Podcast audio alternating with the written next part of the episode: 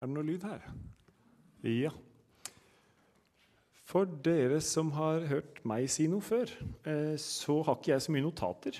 Eh, mine notater det gjør jeg i form av bilder. Så dere får bare henge med på skjermen. Eh, så dette blir jo en sånn greie at jeg står og prater litt til det som dukker opp der. Vi skal be litt først, og så starter vi. Kjære far, takker deg for at vi samles her i dag. Nå ber jeg dem at vi må få noe fra deg. At det ikke er jeg som står her og sier noe, men at du kan røre hjerter. At vi kan kjenne at dette er noe fra deg. Jeg har lyst til å takke deg for hver enkelt som kom til kirken i dag.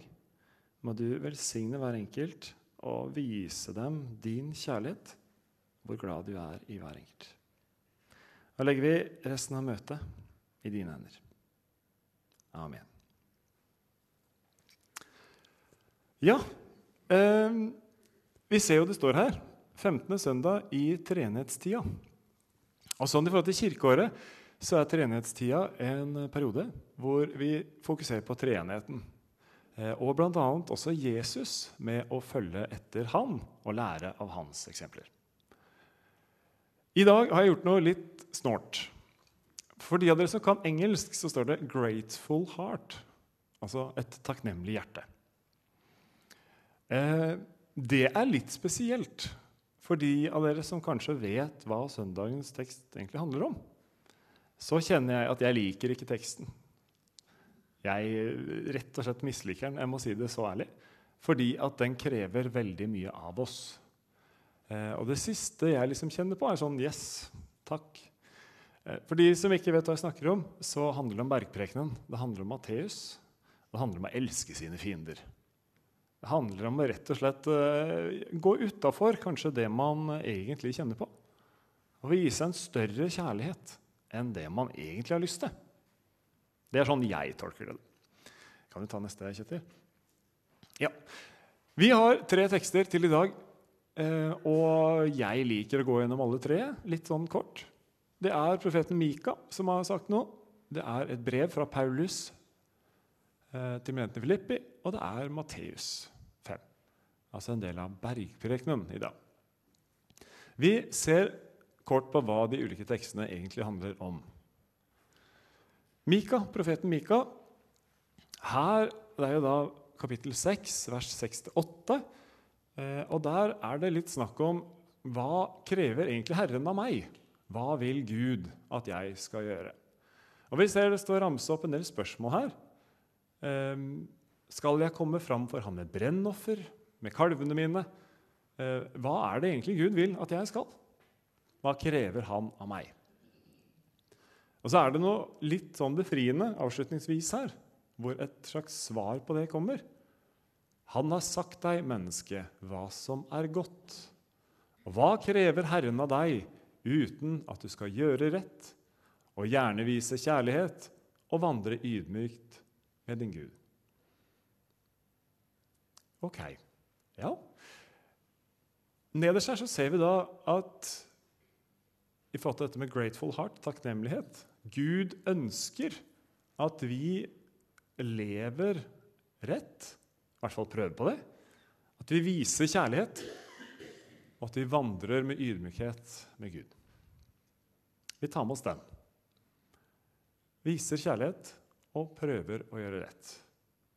Det liker Gud. Det er ikke noe nyhet, det her, men ok, fint. Det står noe der. Jeg tar det neste, Kjetil. Den neste bibelteksten i dag det er jo da Paulus som skriver sitt brev. Dette er nok ikke bildet av Paulus, hvis dere lurte på det, men jeg liker eksempelbilder. Da ja, får vi litt følelsen av hva det var. Eh, her er det rett og slett Paulus som ber for menigheten. Eh, og han ber i sitt brev da, en slags forbønn for at de skal få innsikt. Dere ser det står her. Dette ber jeg om. At deres kjærlighet må bli mer og mer rik på kunnskap og all innsikt, slik at dere kan dømme om hva som er rett i de forskjellige spørsmål, for at dere skal kunne stå rene og uten lyte til Kristi dag, fylt av rettferdsfrukt ved Jesus Kristus, Gud til ære og pris. Altså, Paulus ber for denne menigheten om at jeg håper at dere får visdom til å både leve rett, dømme rett, gjøre rett. Og Det tenker jeg vi kan be om òg i våre liv.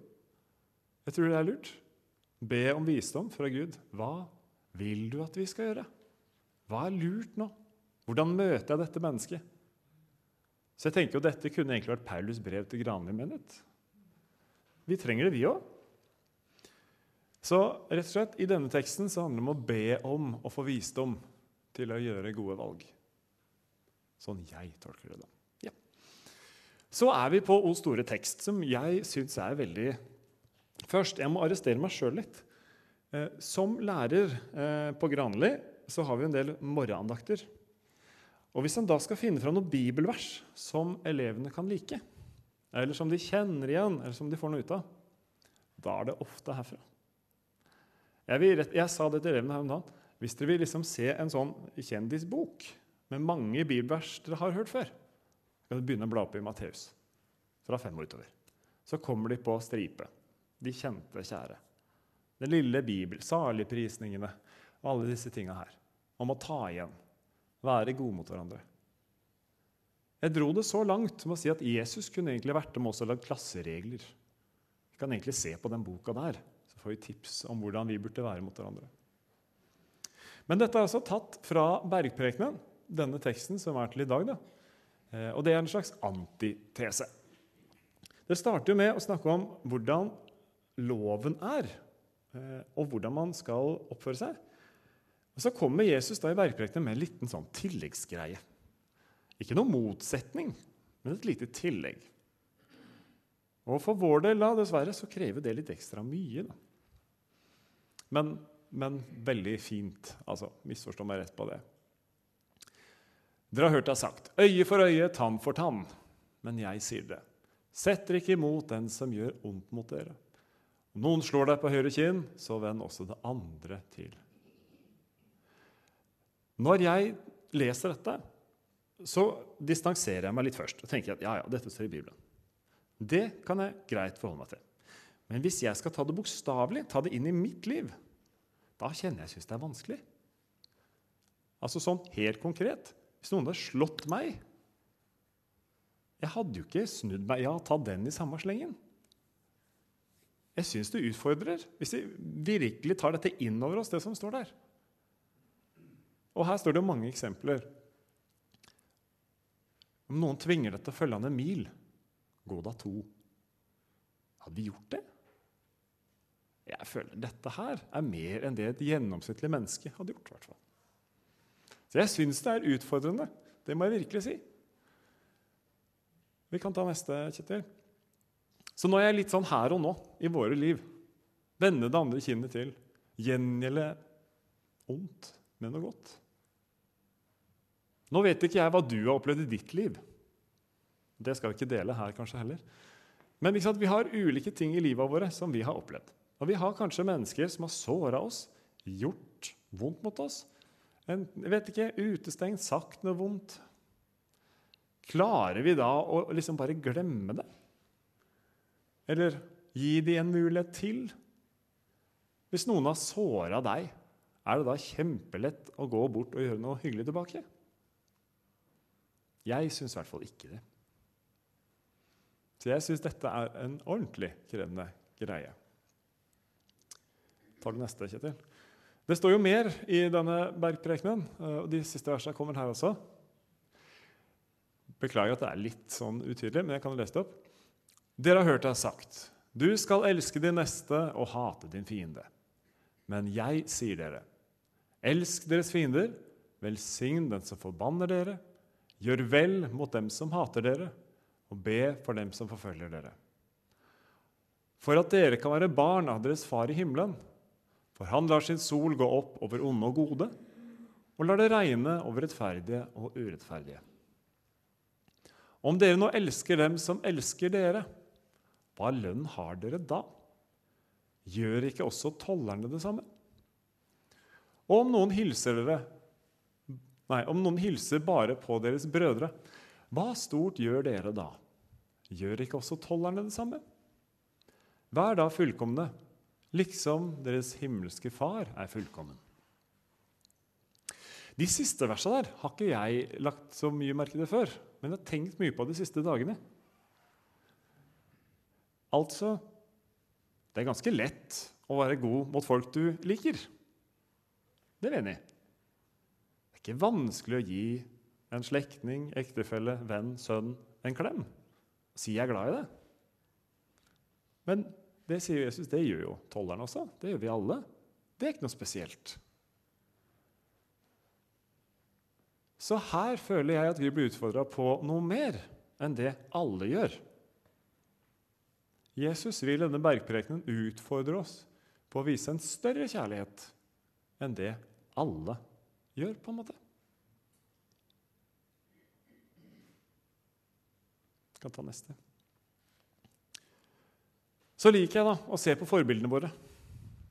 Jeg har en kar som har gjort en del ting. Han heter Jesus.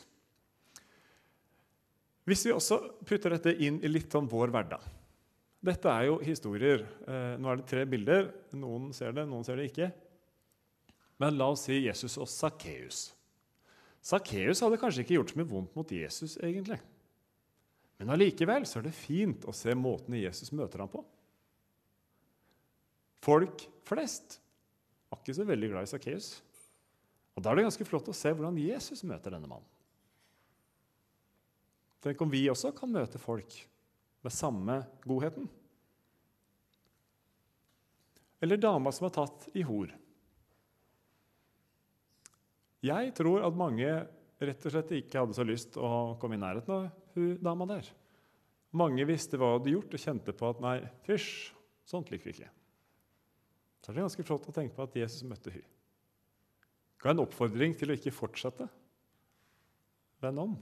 Men allikevel møte mennesker med en ufortjent godhet. Og kanskje en av de mest spesielle, vanskelig å se, men til venstre der, så er det liksom et bilde av Peter i borggården. Hvis vi tenker tilbake til påske Jesus og Peter som gode kompiser.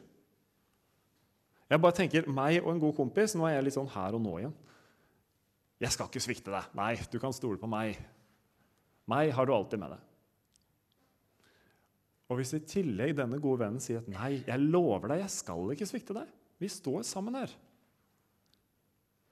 Jeg lurer på hva Jesus har følt da idet han blir tatt vekk, og Peter blånekter. Nei, kjenner deg ikke. Hvem er du? Det er jo svik av stor skala. Og jeg tror i vår menneskelige verden så ville den relasjonen vært brutt for alltid. Du svikta meg når jeg trengte deg som mest. Hvordan kunne du? Da er det ganske flott å tenke på at Jesus seinere sier til Peter På deg vil jeg bygge min kirke. Klippe. Jeg syns det er litt stort. Var det en som virkelig svikta, og som kanskje ja, hadde ødelagt alt for alltid, så er det Peter. Så møter Jesus ham med en enorm godhet. Tenk om vi hadde klart å være noe i nærheten av det her. da. Gi folk nye muligheter, vise godhet, raushet, inkludere. La oss bli litt inspirert av Jesus. Det hadde vært fint. Så det neste. Hva med oss, da? Ja, det var så lett for Jesus, er det lov å tenke. Han gjorde ikke noe feil. Men jeg tror at Jesus var et fullgodt menneske. Eh, han også hadde følelser. Han som tok noen valg når han levde her. Hva med oss? Tre eksempelbilder. Nå vet jo ikke jeg hva disse to menneskene som står rygg til rygg der, egentlig har opplevd. Men la oss si man har en ødelagt relasjon på en eller annen måte. Noe har skjedd, noe er vanskelig. Er man da i stand til å begynne på nytt? Klarer man da å tilgi? Jeg legger det bak meg. Vet du hva? Det går fint. Vi starter på blanke ark. Krevende. Veldig krevende. Fra lærerhverdagen min, da. Klarer vi å løfte blikket og være inkluderende mot andre enn de vi liker å henge med? Sånn som hun jenta der. da. Så ser de fire ungdommene eller barna som står der. De har det veldig hyggelig. Og de bryr seg om hverandre, antageligvis en gjensidig glede. Men klarer de å legge vekk det og ofre litt tid på å inkludere hun som står aleine? Gjør vi sånt? Eller henger vi med de vi liker best? Eller på siste eksempel her Klarer vi å være overraskende gode sånn i hverdagen? Klarer vi, Det er jo bare et eksempel da, på en uh, ung, hyggelig mann som hjelper ei dame opp fra setet. Jeg føler i dag at Jesus kaller oss til å skille oss ut på en positiv måte. Og mer enn det vi liksom gjør automatisk. Vi må ha på et sånn godgir. Det litt mer enn bare det vi helt automatisk gjør. Så i de sammenhengene dere står, klassen, jobben, studiet, samme hva vi enn driver med, klarer vi å ha Guds godhet med oss. Overbærenhet, raushet, inkluderende. Håper det. Altså skille oss ut på en unormalt positiv måte. Det har vært gøy. Tar neste. Det der tenker jeg på av og til. Klarer andre merke at du er kristen? Tja Jeg tror jo ikke denne salen banner veldig mye. Så det er jo først. Mange som driver med det. Men det tror jeg ikke vi gjør så mye av. Men utover det, da, annet enn språkbruk, kan folk merke at vi er kristne. Det hadde vært kult. Tenk om folk bare merka en sånn godhet rundt oss. Oi, den dama der er det noe spesielt med. Eller han mannen jeg møtte her om dagen. Han må være en kristen. Måten han så alle på, det bare med blikket, den samtalen tyder på at her var det noe ekstra. Det hadde vært gøy om vi ble avslørt på å være kristne på måten vi var på. Tar du neste? Men litt mitt spørsmål, da. Det er litt sånn Hvor skal vi finne drivkrafta til dette her? Spesielt i krevende situasjoner. Si at noen har såra deg, og du kjenner at 'nei, dette her Ferdig med dette mennesket. Orker ikke tilgi. Nei, dette blir, dette blir for dumt. Brukt opp sin sjanse. Hvor skal vi finne drivkrafta? Jeg tror dere veit det, men vi kan se. Tar du neste, Kjetil? Hvis vi lar det synke ordentlig dypt inn i hjertene våre Vi er syndere, og vi skal dø. Vi fortjener egentlig ikke noe evig liv. Og dette har du hørt før. Men la det synke inn nok en gang, da. At Gud frelser oss. Vi lever så godt vi kan, og det er godt nok. Vi får tilgivelse. Og Gud frelste oss med sin frelsesplan ved å sende Jesus. Hvis vi klarer å fylle hjertet vårt med takknemlighet over det Ok, Gud har gjort en kjempetjeneste for meg. Ja vel, da kan jeg også gi noe tilbake til andre. Hvis vi klarer å fylle hjertet vårt med takknemlighet over det Gud har gjort for oss, da kan det kanskje være en litt sånn stor si, brennende stein inni hjertet som lyser av godhet, som kan hjelpe oss i vanskelige situasjoner til å tenke jo, ok, Gud er god mot meg, jeg er god mot andre. For meg så gir det mening. Så hvis en klarer å tenke den tanken Jeg har fått så mye. Ja, kanskje jeg da kan dele litt med andre av den godheten der. Tar du neste? Den tegninga der er jeg veldig, veldig glad i. Jeg syns den sier så mye. Én ting er korsformasjonen, for den kjenner vi jo godt igjen. Men hvis en begynner å liksom se på hvilken avstand det er mellom Guds hånd der oppe i toppen og oss fortapte mennesker som ligger her og vaker nede i dette kalde, mørke vannet, som egentlig nesten holder på å drukne Jeg syns det er så fint illustrert. Man ser bare at det er bare Det går akkurat. Men det er virkelig Jesus som redder oss her. Og Vi ser også Jesus med piskeslag på ryggen. Vi får liksom tankene tilbake til påskebudskapet med en gang.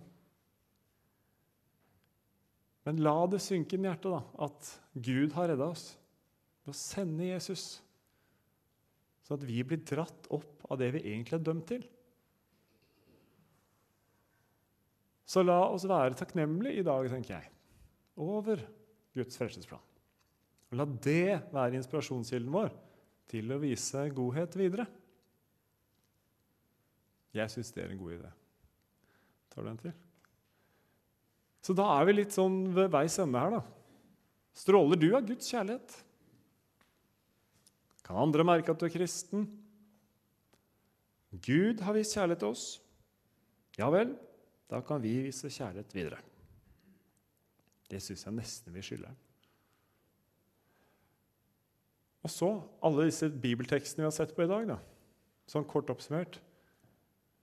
Mika I det han skrev, så sto det 'gjøre rett, vise kjærlighet'. Det var det Gud ønska av oss. I Paulus sitt brev så var det forbønn til å både velge, leve og dømme rett. Og i bergprekenen handler det om å vise kjærlighet mer enn det som er forventa. Mm. Så jeg håper at vi kan la frelsesbudskapet synke litt inn. La det fylle hjertet. Og idet du kommer i en vanskelig situasjon, hvor du kjenner at det er vanskelig å velge godt, så be. Det var Paulus sitt tips her. Be. Altså prøv. Vi kan alle prøve så godt vi kan med å vise kjærlighet videre. Det var det jeg ville si.